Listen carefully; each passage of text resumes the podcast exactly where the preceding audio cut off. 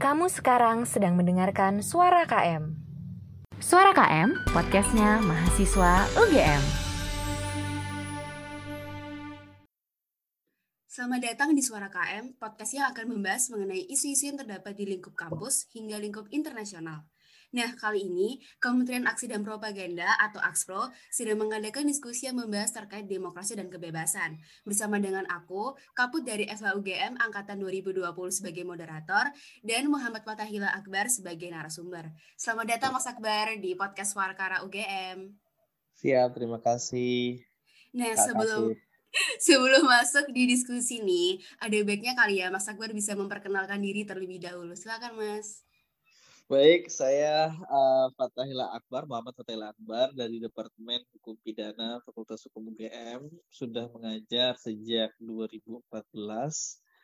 Saya S1 di uh, Fakultas Hukum UGM tahun 2007.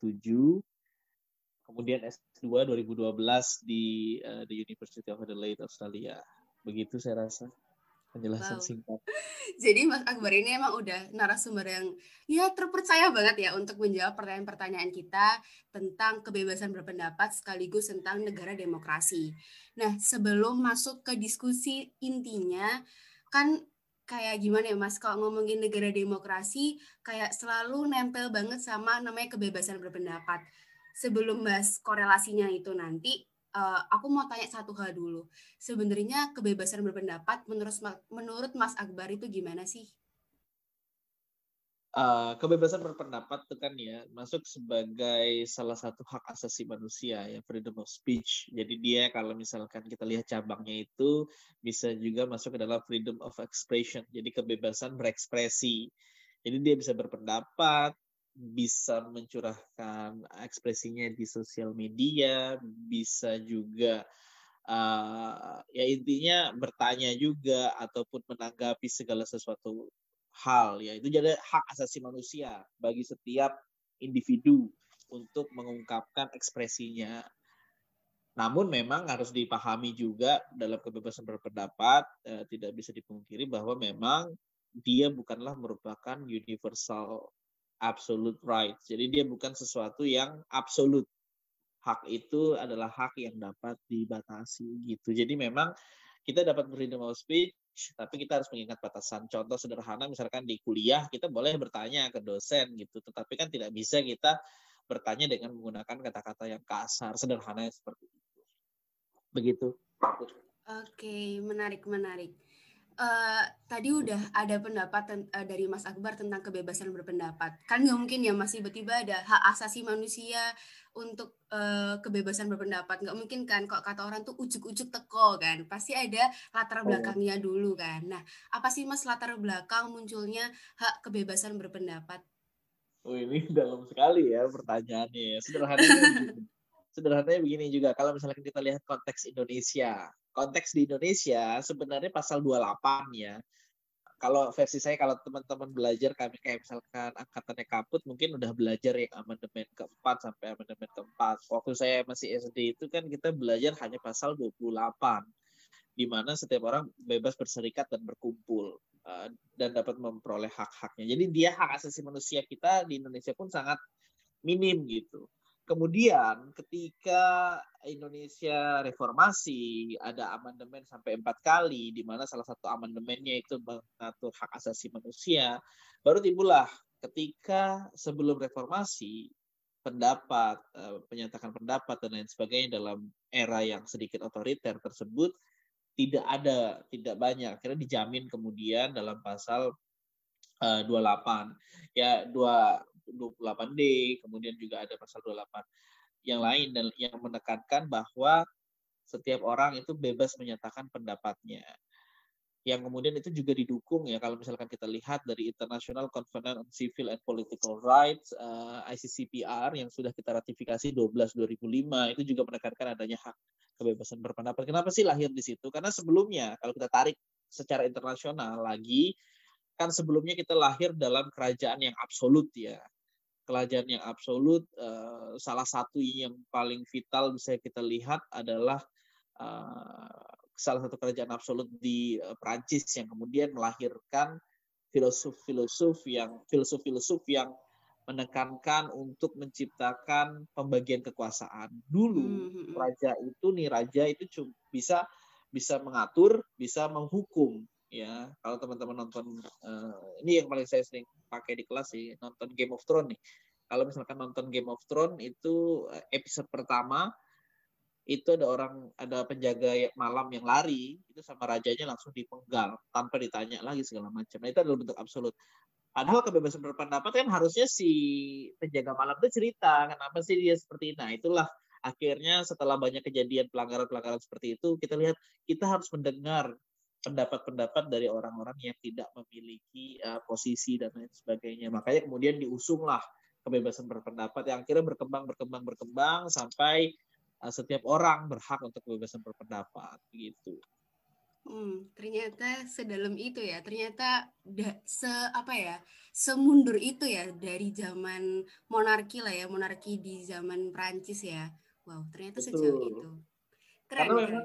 Karena memang begini kaput. Jadi kalau uh, kebebasan berpendapat tuh berkembang juga. Contoh kalau misalkan kita lihat film-film uh, Australia, ah sorry, sorry, US ya, uh, Amerika lah. Kalau kita lihat di Amerika itu dia kan uh, perkembangannya kulit hitam itu bisa sekolah hukum aja. Kalau misalkan bisa sekolah hukum ataupun sekolah-sekolah teknik lainnya. Kalau misalkan kita lihat hidden figures yang uh, itu ya tentang wanita-wanita yang mulai bekerja wanita-wanita kulit hitam di situ Mhm. itu mereka punya pendapat aja sudah berat banget gitu untuk mengungkapkan pendapat makanya akhirnya dia ada first amendment dan lain sebagainya yang kemudian membangun bahwa setiap orang itu bebas berpendapat begitu jadi memang Oke. rumit sih Iya, perkembangannya. ya. Tapi untungnya dari perkembangan internasional itu Indonesia bisa terciprat lah ya, walaupun agak telat-telat ya. Baru Betul. di amandemen keempat, tapi untungnya lah ya era Indonesia di konstitusinya sudah mengatur terkait hak kebebasan ber- berpendapat itu sendiri. Nah, betul Eh, Mas, kan latar belakangnya udah cukup komprehensif banget ya. Em, apa sih Mas urgensi dari kebebasan berpendapat di suatu negara? Apakah harus ada? Itu kan karena hak asasi manusia ya. Apakah harus ada gitu di suatu negara? Atau ya itu bebas aja, pokoknya itu individu per individu atau gimana Mas? Eh begini. Jadi pada dasarnya gini kalau misalkan apalagi kita eh, kita harus lihat ya bentuk negara itu juga mempengaruhi. Contoh misalkan negara-negara eh, komunis ya mereka itu eh, kekuatan dari pimpinannya juga cukup tinggi untuk mempengaruhi dalam artian suara rakyatnya. Mereka harus melakukan mensejahterakannya seperti apa kesejahteraan setiap orangnya seperti apa. Sedangkan kalau di negara demokrasi ini setiap orang itu harus memiliki istilahnya pendapat lah untuk eh, menguatkan. Contoh salah satu bentuk kebebasan berpendapat juga itu kan cabangnya bisa ke hak politik ya. Bagaimana kita bisa memiliki one man one vote juga untuk melakukan pilihannya. Itu kan salah satu bentuknya. Eh, kemudian kedua adalah kita bisa menjauhi eh, atau melawan otoritarianisme ya jadi bagaimana kita bisa menjadikan check and balances sebuah Hmm. negara demokrasi jadi misalkan ada pemerintah sekarang melakukan kebijakan apa. Kalau nggak ada kebebasan berpendapat kan kita nurut semua. Tidak ada check and balances. Jadi check and balances ini yang penting. Kemudian untuk kita mengungkapkan pendapat kita, kemudian pemerintah melakukan eh, melakukan melihatlah eh, kritik-kritik tersebut ya sama halnya misalkan kita juga sederhana aja misalkan kita dosen tidak mendengar sama sekali keluhan mahasiswa gitu, saya rasa ya tidak tepat. Pasti uh, tidak membangun proses pembelajaran di universitas gitu. Makanya kita juga membuka, kalian juga bisa menyampaikan evaluasi dan lain sebagainya secara sebebas-bebasnya gitu. Tidak kita Hmm. batasi untuk meningkatkan kualitas kita juga. Jadi meningkatkan Hmm. kualitas demokrasi itu ya dengan kebebasan berpendapat. Hmm. Jadi emang eh, istilahnya negara demokrasi sama hak kebebasan berpendapat itu udah nempel banget ya Mas ya. Apakah tuh Betul. salah satu ciri negara demokrasi atau gimana sih Mas? Apa emang harus ada gitu ya Mas? Ya betul. Salah satu ciri negara demokrasi itu kan adalah uh, kebebasan uh, berpendapatnya. Itu salah satu ukuran penting ya. Jadi untuk mengukur negara demokrasi itu kan salah satunya juga bisa melihat angka uh, kejahatan itu juga salah satunya tindak pidana korupsi dan lain sebagainya. Hmm. Tapi salah satu hal yang paling vital untuk menilai demokrasi itu adalah uh, melihat istilahnya seberapa kuat seberapa jamin seberapa kuat jaminan terhadap kebebasan berpendapatnya. Nah, uh, Indonesia sendiri kan negara demokrasi ya, Mas. Benar nggak? Betul. Betul. Nah, seharusnya kalau hak kebebasan berpendapat itu merupakan salah satu unsur penting di suatu negara demokrasi, ya. berarti kan harusnya kebebasan berpendapat ini sudah ada di hukum positif kan, atau sudah ada di peraturan perundang-undangan Indonesia. Benar nggak, Mas? Betul. Betul. Betul. Nah, apa aja sih Mas eh, landasan hukum atau sumber hukum di Indonesia yang sudah mengatur terkait tentang kebebasan berpendapat selain konstitusi kita tadi yang udah Mas sebutkan di awal? Oke, jadi pada dasarnya gini, kalau misalkan uh, kita melihat secara sederhana ya, kalau secara sederhana kan pasal 28, 28E ayat 3 Undang-Undang Dasar itu sudah memiliki aturan. Kemudian kita lihat juga di Universal Declaration of Human Rights pasal 19 di mana Universal Declaration of Human Rights ini mendapatkan soft ratification. Kenapa? Karena tidak ada ratifikasi terhadap deklarasi ya. Tapi kita membentuk Undang-Undang 39 tahun 1999 tentang hak asasi manusia. Nah, di situ juga kita mengatur tentang kebebasan uh, berpendapat dan berekspresi begitu. Ini adalah aturan-aturan secara uh, secara universal hak asasi manusianya. Tapi kalau kita misalkan melihat lagi kepada aturan-aturan yang aturan-aturan uh, yang ada di dalam berbagai undang-undang, contohnya dalam undang-undang ITE sebenarnya. Dalam undang-undang ITE itu juga ada kebebasan berpendapat.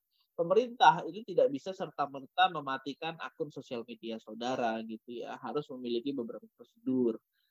Eh, terus untuk menjamin uh, internet untuk terus ada dan tidak diblokir serta merta. Contoh misalkan di uh, di mana di uh, Papua, Papua. itu sempat ya di Papua itu sempat ada dimatikan internetnya, kemudian melalui pengadilan Jakarta dikatakan itu suatu pelanggaran perbuatan melawan hukum ya. Sehingga itu salah satu bentuk jaminan didasarkan pada undang-undang ITE dibanding disampaikan pada terbukanya informasi publik ya. Undang-undang terbukanya informasi publik. Jadi menyebar juga di berbagai elemen sebenarnya. Jadi pada dasarnya kayak misalkan undang-undang dikti juga undang-undang dikti kebebasan mimbar juga dijamin gitu ya uh, untuk uh, menyampaikan pendapatnya baik kepada mahasiswa maupun dosennya untuk memiliki kebebasan mimbar, kebebasan akademik yang tidak di uh, yang memiliki batasan tetapi ya diberikan jaminan-jaminan tersebut. Hmm. Tergantung konteksnya sih. Uh, gitu. Karena luas okay, juga. Okay. Jadi sebenarnya juga uh, apa ya? Hukum positif kita sudah menaungi itulah ya, sudah mengatur tentang kebebasan berpendapat. Terutama sudah, kalau UU ITE kan konteksnya lebih ke ini ya, elektronik, lebih kayak ke media sosial betul. ya kalau tentang kebebasan berpendapatnya.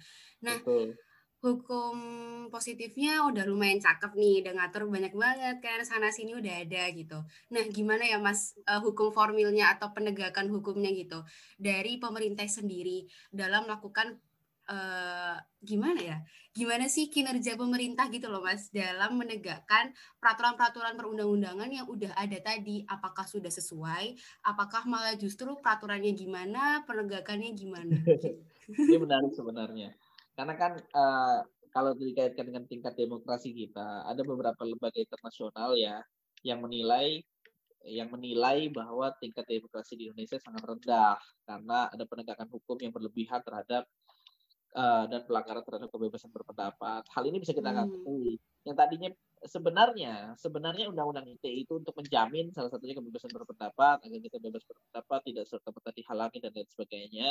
Tetapi pasal-pasal ketentuan pidana di dalam undang-undang ITE itu malah menimbulkan uh, istilahnya mengesankan adanya pembatasan kebebasan berpendapat ya. Contoh misalkan saya kemarin baru diskusi dengan internet uh, Institut uh, Criminal Justice Reform Indonesia.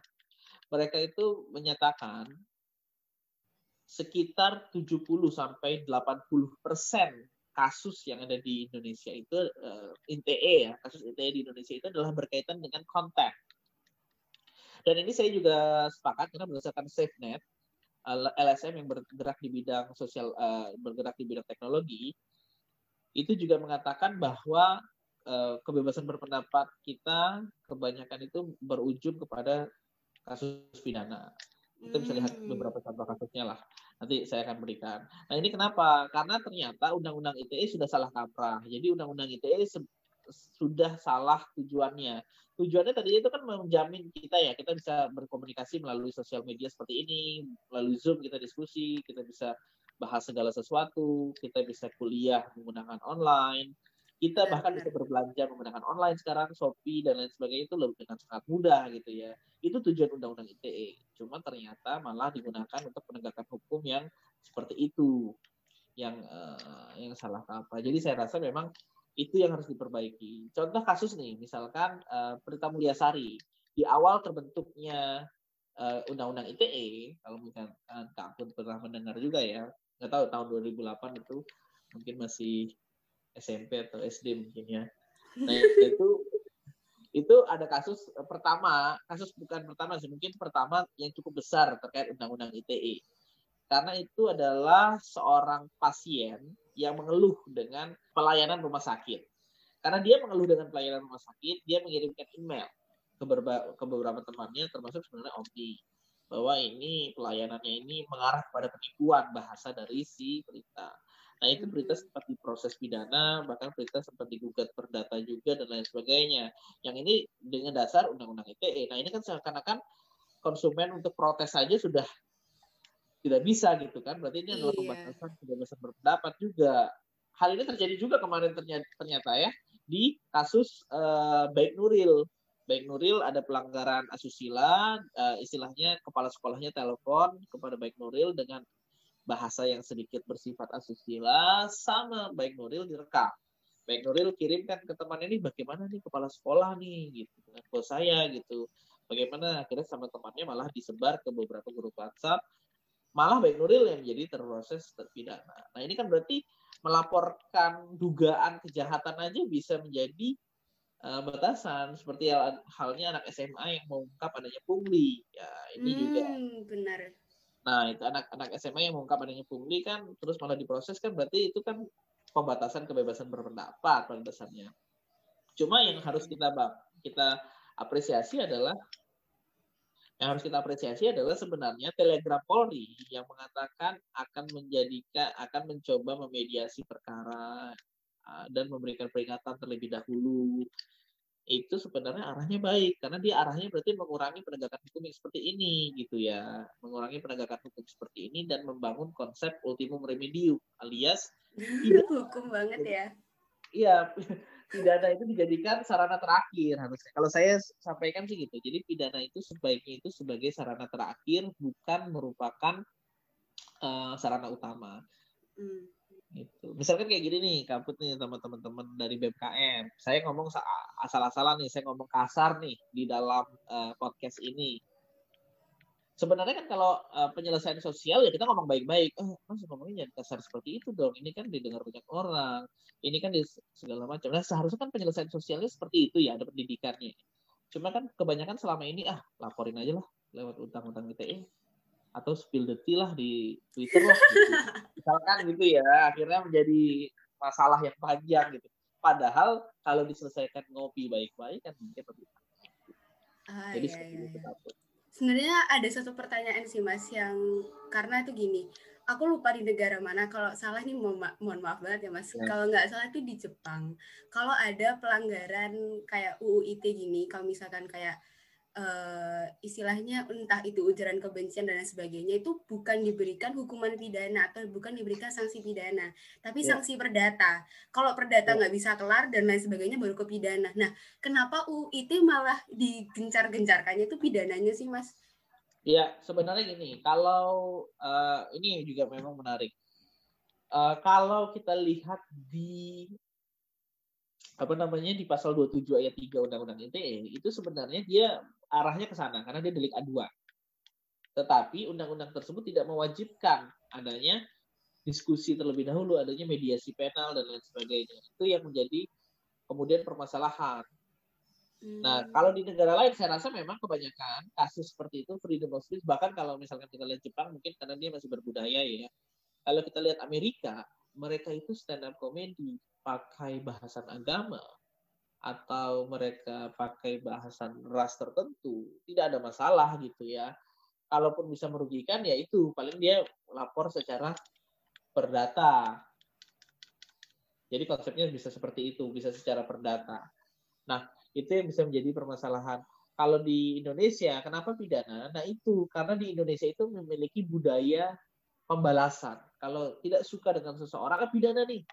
Ini paling nggak harus dimasukin penjara nih, kayak misalkan kita melihat eh. Ferdian Paleka nih, ah kita proses nih gitu.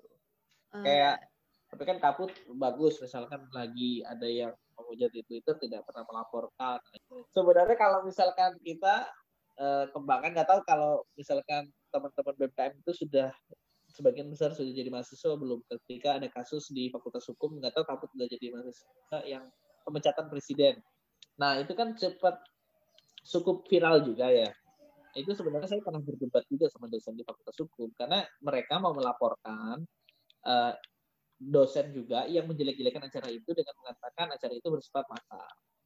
Saya bilang kalau kita uh, argumentasinya adalah freedom of speech, ya biarkan ada orang seperti itu berkomentar, tidak jadikan pidana. Kita selesaikan secara kekeluargaan aja agar menyampaikan kepada dia tidak melakukan hal seperti itu lagi di kemudian hari agar menjadi lebih baik ke depan. Kalau kita laporkan pidana juga, berarti sama juga. Kita juga membatasi kebebasan berpendapat, tidak hanya diskusi kita yang dibatasi, tetapi kita membatasi kebebasan berpendapat orang juga. Jadi itu budaya budaya hukum sih sebenarnya hmm. bagi setiap orang itu agar tidak asal lapor lah dikit-dikit lapor dikit-dikit lapor gitu jadi nggak hanya penegakan hukumnya aja tapi juga budaya hukum yang ada di masyarakat turut uh, ikut serta dalam banyaknya kasus UU ITE ini ya mas ya betul saya pernah uh, saya kan beberapa kali bantu jadi ahli juga ya itu saya pernah diminta bantuan satu kepolisian itu menyelesaikan kasus penghinaan yang terjadi di grup WA. Padahal itu grup WA anggotanya hanya lima orang loh. Itu minta dilaporkan proses video. Saya bilang ya ini mah masalah pribadi. Udah gitu saya lihat chatnya cuma kayak begini. Ah, ibu sebagai ketua tidak bertanggung jawab. Ibu sebagai ketua gini-gini. Padahal saya rasa grup BMKM menurut saya hinaan-hinaannya lebih parah daripada itu mungkin ya saya nggak tahu cuma maksudnya kalau grup saya saya bilang grup saya ini grup dosen muda kalau ngata-ngatain dan lain sebagainya itu lebih parah daripada grup ini pak bisa masuk pidana semua ini kalau misalkan kayak begini aja dipidana gitu. Jadi kita budaya kita jadi begini hmm. kalau misalkan ini ada hukum sedikit tapi sederhananya begini penegakan hukum itu dipengaruhi tiga ya kan undang-undangnya substansi hukum penegak hukumnya, polisinya, jaksanya dan lain sebagainya. Yang terakhir itu yang paling mempengaruhi adalah budaya hukumnya. Jadi kalau kita membudayakan lapor, ya begitu. Jadinya salah masyarakatnya juga ada. Tapi memang kenapa ada budaya lapor ya? Karena polisi juga meng gitu. Hmm, itu jadi juga ya, yang menjadi permasalahan. Dari dua belah pihak juga saling berhubungan lah ya, saling berkolerasi. Betul, saling saling mempengaruhi gitu. Menarik ya, ini sangat-sangat menarik ini. Karena jujur aja uh, kalau ngomongin UU ITE tuh pasti kita tuh ngelihatnya ah pasalnya yang karet, ah uh, penegakan hukumnya yang kurang. Ternyata dari budaya masyarakatnya sendiri juga turut serta ini menambah insight yeah. dari aku sendiri.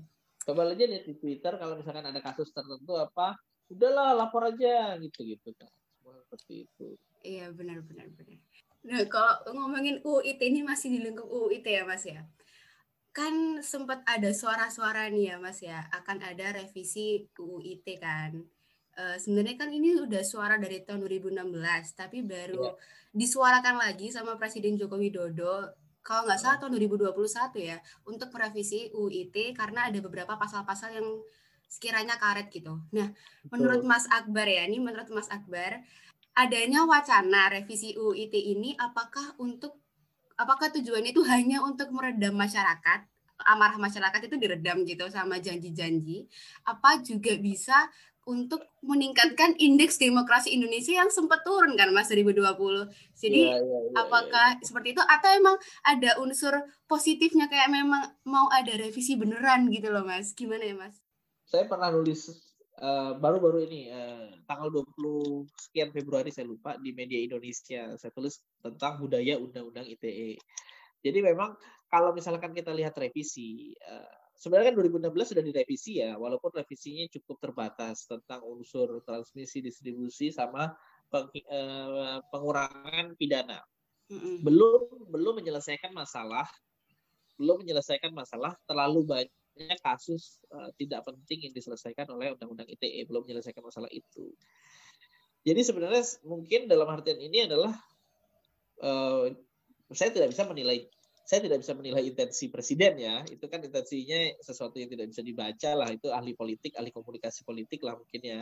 Tapi kalau yang bisa saya nilai adalah revisi ini sangat penting. Revisi ini sangat urgent. Kenapa? Karena banyak pasal karet yang tidak penting dan sangat membatasi kebebasan berpendapat. Contoh adalah delik uh, penghinaan, pencemaran nama baik. Itu uh, yang bisa menilai kan orang korban aja, tetapi kadang sangat subjektif. Contoh ada kasus kita sebut kasus satu ini misalkan yang artis lah, uh, Prilly Latukosina itu kan pernah dikatain marganya nih, walaupun Prilly-nya oh, iya, iya ya kan waktu kondangan gitu ya sama kan itu aja menjadi masalah kalau itu menjadi masalah hukum kan sesuatu yang tidak merugikan gitu sesuatu yang tidak berkepanjangan. Makanya saya mengusulkan sebenarnya pasal 27 ayat 3 penghinaan sama pencemaran nama baik dihapus saja. Kalau orang mau ngina-ngina dan lain sebagainya ya udah kita selesaikannya secara sosial. Kita kasih tahu kita beri edukasi dan lain sebagainya. Jangan diproses pidana. Kalau misalnya diproses pidana dikit-dikit anak sekolahan semua diproses pidana nanti gitu. Jadi ya uh, saya rasa harus dihapus. Yang lain adalah uh, unsur sara, penafsiran dan lain sebagainya. Kayak uh, jering. Nah, itu kasus jering itu luar biasa tuh.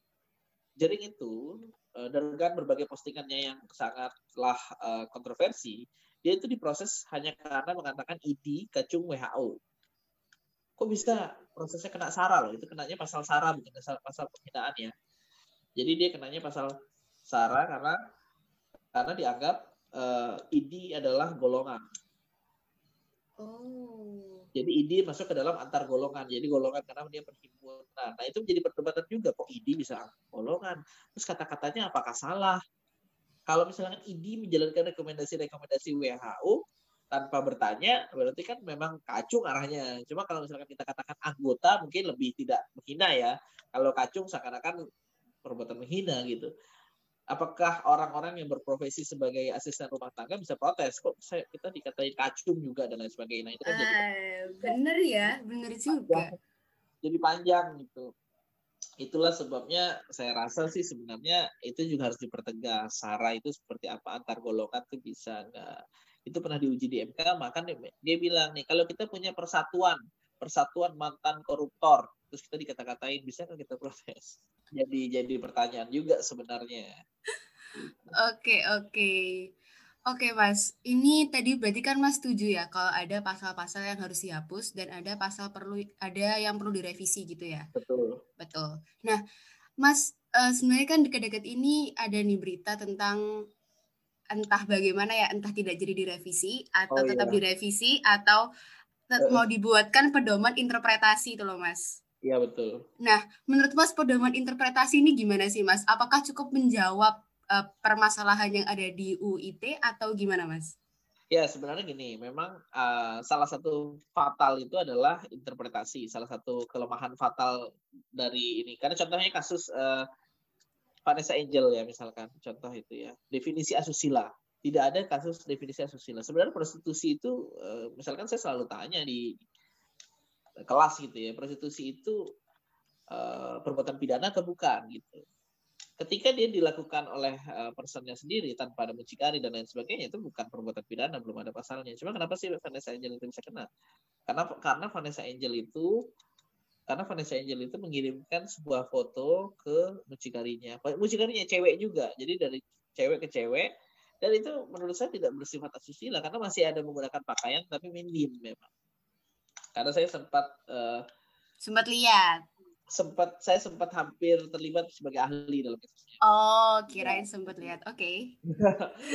memang memang memang lihat BAP-nya, jadi sempat melihat BAP-nya. gitu. Hmm. Jadi hmm, hmm. susila-susila banget lah. Tapi diproses gitu ya. Yang sebenarnya relevan nggak? Sebenarnya tidak sesuai dengan maksudnya undang-undang ITE karena undang maksudnya undang-undang ITE kan bersih konten pornografi ya konten yang seperti itu yang ditransfer gitu. Oh ini seperti ini masuk gitu dan, dan lain sebagainya lah. Nah itu menjadi permasalahan. Harus ada uh, interpretasi yang tepat. Dan kemudian selain interpretasi yang perlu dibangun adalah itu tadi bersifat ultimum remedium. Jadi bagaimana caranya pemerintah bagaimana caranya pemerintah mencarikan solusi lain gitu daripada melakukan uh, pemidanaan sebelum hmm. melakukan pemidanaan. Karena melakukan pemidanaan itu biayanya besar loh ya. Penyidikan uh, kemudian dia proses uh, hmm. penuntutan oleh jaksa kemudian dia juga melakukan proses pengadilan segala macam. Terus kalau di penjara juga ada biaya lapas itu tinggi sekali. Kalau diselesaikan secara sosial kan lebih baik gitu. Dan kalau pidana itu yang menanggung biaya itu negara ya mas ya negara betul. Negara sepenuhnya. Jadi biaya negara cukup tinggi gitu. Nah itu makanya saya rasa kalau revisi itu wajib. Tetapi revisi itu kan panjang ya. Prolegnas juga katanya tidak menjadikan dia tidak ada undang-undang itu. Yeah. karena prioritas. Karena contohnya KUHP itu sudah dibuat dari tahun 60-an sampai sekarang nggak pernah disahkan. Nah itu mungkin itu prioritas juga gitu. Jadi mungkin iya tapi ta tahun ini malah nggak ada ya mas ya? Iya kalau uh, revisi undang-undang ITE malah nggak ada. Tapi saya rasa untuk jangka pendek yang cepat uh, solusinya itu membuat interpretasi saya rasa sih bisa. Gitu. Hmm, jadi pedoman interpretasi ini bukan bukan terakhir kayak ya udah udah ada pedoman nggak usah revisi bukan gitu ya mas? Uh, untuk jangka kalau, pendeknya aja. Nanti kalau udah ada waktu mungkin udah ada luang kan kan UIT nggak masuk prolegnas nih. Bisa lah ya itu nanti direvisi gitu ya mas ya iya kalau menurut saya sih uh, revisi itu hal uh, pembaharuan undang-undang itu adalah sesuatu keniscayaan. Jadi undang-undang apa pun itu tidak ada yang nggak bisa direvisi gitu. Apalagi hmm. yang sebenarnya sudah memakan banyak korban kan contohnya undang-undang ITE ini sudah banyak korban ya kasus-kasus yang tidak penting, tidak seharusnya masuk ke dalam proses pidana, masuk ke dalam pidana itu kan sudah banyak. Harusnya ini menjadi pembelajaran untuk ya direvisi dengan urgen ya. Hmm. Nah, kita udah panjang banget kan ngomongin UIT, UIT gitu kan. Sebenarnya tuh nggak hanya UIT yang baru-baru ini menimbulkan uh, problematika atau pendapat-pendapat atau perdebatan gitu lah ya. Ada muncul satu peraturan gubernur sebut aja lah ya, peraturan gubernur oh, Yogyakarta iya, iya. ya kan, ya kan. Itu tuh uh, muncul tiba-tiba yang mengatur terkait intinya peraturan bergubernur ini mengatur terkait uh, pembatasan tempat yang bisa digunakan untuk melakukan aksi atau demonstrasi. Nah, menurut Mas Akbar, dengan lahirnya atau dengan munculnya ini pergub, itu gimana ya Mas kalau misalkan dikaji dari kebebasan berpendapat dan dari dari segi hukum apakah nanti ada pembatasan apakah ya udah nggak apa-apa kalau ada pergub ini nggak akan mengaruh nih ke, ke kebebasan berpendapat apa gimana Mas? Kalau saya sebenarnya juga kemarin eh, sempat diskusi lama sama dosen HTN ini pergub kekuatan hukumnya seperti apa sih? Dia melaksanakan perda, ini melaksanakan perda, jadi ya lumayan kuat lah memberikan alternatif uh, pilihan dan segala macamnya. Cuma saya rasa uh, kalau ini kan sudah membatasi hak juga, nggak bisa nih kalau misalkan hanya hanya melalui pergub minimal perdalah gitu kan karena pada dasarnya itu uh, membatasi juga. Cuma saya juga katakan apa konsekuensinya jika melakukan, ya.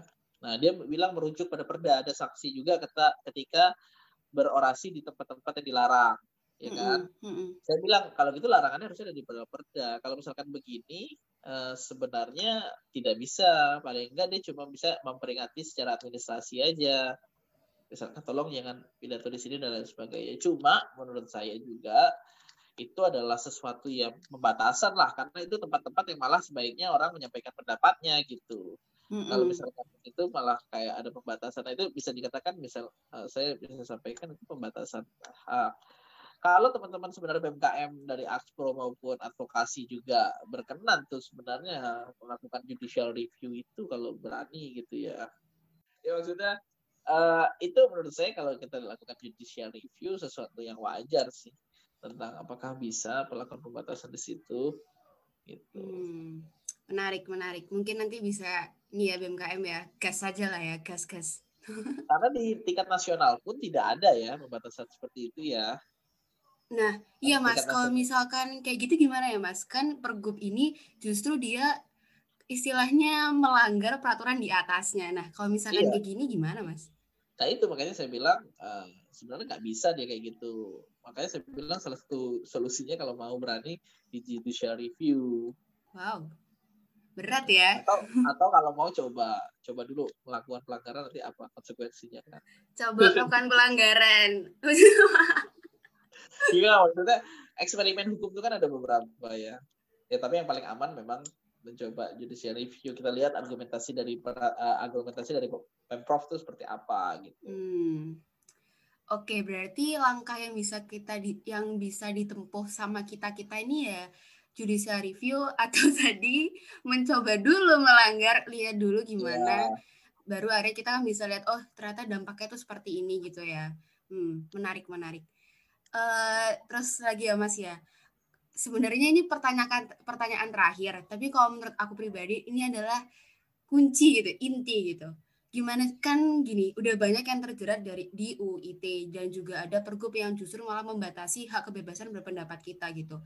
Sebenarnya kita nggak hanya mahasiswa ya, kita sebagai makhluk sosial gitu ya. Nah, uh. gimana kita uh, etika kita di saat kita berpendapat di media sosial atau di saat kita itu melakukan demonstrasi, aksi itu etikanya itu ya gimana sih Mas yang baik gitu agar oh, kita iya, iya. nggak iya. mudah terjerat, nggak mudah kena peraturan-peraturan perundang-undangan gitu Mas. Saya dalam beberapa hari ini sih uh, ngisi webinar juga tentang itu. Salah satunya beretika sosial media. Kalau menurut saya tanpa adanya undang-undang ITE pun kita memang satu yang harus kita hindari itu sara ya. Dalam alasan apa pun dengan alasan apa pun hindarilah sesuatu yang bersifat sara sebenarnya gitu. Jadi uh, janganlah misalkan uh, menjelek-jelekan suku tertentu agama tertentu dan lain sebagainya dengan tujuan apa pun apakah bercanda dan lain sebagainya gitu ya. Karena itu juga untuk uh, etika sosial media yang kedua adalah gunakan bahasa-bahasa yang uh, elegan intelektual dan sopan gitu jangan sampai kita uh, kan sekarang banyak youtuber-youtuber membiasakan kata kata-kata binatang ya kayak sesuatu yang wajar gitu. Nah itu hmm. jangan menjadi budaya juga. Hmm, benar-benar. Karena kita nggak tahu kan sekarang kita masih oke, okay. uh, nanti suatu saat ada yang mempermasalahkan bagaimana gitu kan. Itu yang harus dilihat. Jadi kita bisa ukur sih kesopanan kesopanan di dunia nyata sama sosial media itu harusnya sama. Cuma kan kebanyakan orang menggunakan topeng yang di sosial media, jadi mereka kadang lebih vulgar bahasanya. Nah itu seharusnya jangan jadikan sosial media itu sebagai topeng sih. Jadikan sosial media sama dengan kita di dunia nyata. Hmm, menarik. Jadikan sosial media sama dengan dunia nyata. Iya. Mantap. Oke mas, uh, udah panjang lebar kita bahas ini itu dan jawaban Mas Akbar ini sebenarnya di luar dugaan aku Mas jujur aja karena sebenarnya aku udah oh. nyiapin list-list pertanyaan. Mas Akbar ini sudah langsung mencakup jadi satu dan sangat komprehensif ya. Jadi udah sangat-sangat bagus lah ya nih ya. Alhamdulillah sekali nih. Mudah-mudahan ya. Nah, dari apa yang udah kita bahas, Mas, dan ada pertanyaan-pertanyaan yang sudah aku ajukan, apakah ada satu satu closing statement gitu, atau ada statement yang menurut Mas ini perlu di-highlight, atau yang malah justru belum Mas sampaikan gitu, tapi itu penting dengan eh, penting uh, untuk lingkup kebebasan berpendapat? Uh, saya rasa sih nggak ada, cuma intinya adalah uh, harapannya memang sosial media dengan katanya yang berbentuk sosial, segala halnya itu kita selesaikan dengan mekanisme sosial yang ada gitu, mekanisme hukum sebagai sarana terakhir. Jadi jadikan edukasi dan lain sebagainya. Hmm, Jadi kalau misalnya kita menemukan ada orang yang salah ngomong segala macam daripada kita ngomong laporin dan lain sebagainya kita kasih. Cuma kan kadang berbeda pendapat tuh banyak ya. Ya udah hargai perbedaan pendapat aja. Kalau misalkan gak didengar ya sudah gitu. Benar. Setuju, setuju. uh, ini sebenarnya udah sih Mas. Ini udah pertanyaan terakhir, Siap. udah sangat menjawab banget semua jawabannya. Ini jujur komprehensif banget. Udah di luar dugaan aku sih. Aku kira jawabnya ya tipis-tipis aja. Ternyata dalam juga ya dalam banget.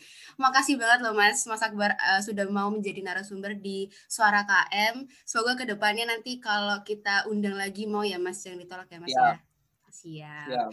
terima kasih selalu BMKM Terima kasih. Terima kasih juga untuk para pendengar yang sudah mendengarkan sampai akhir pembicaraan kita. Semoga bisa hmm. menambah insight untuk teman-teman semua.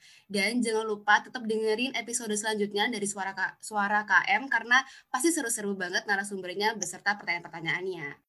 Suara KM, podcastnya mahasiswa UGM.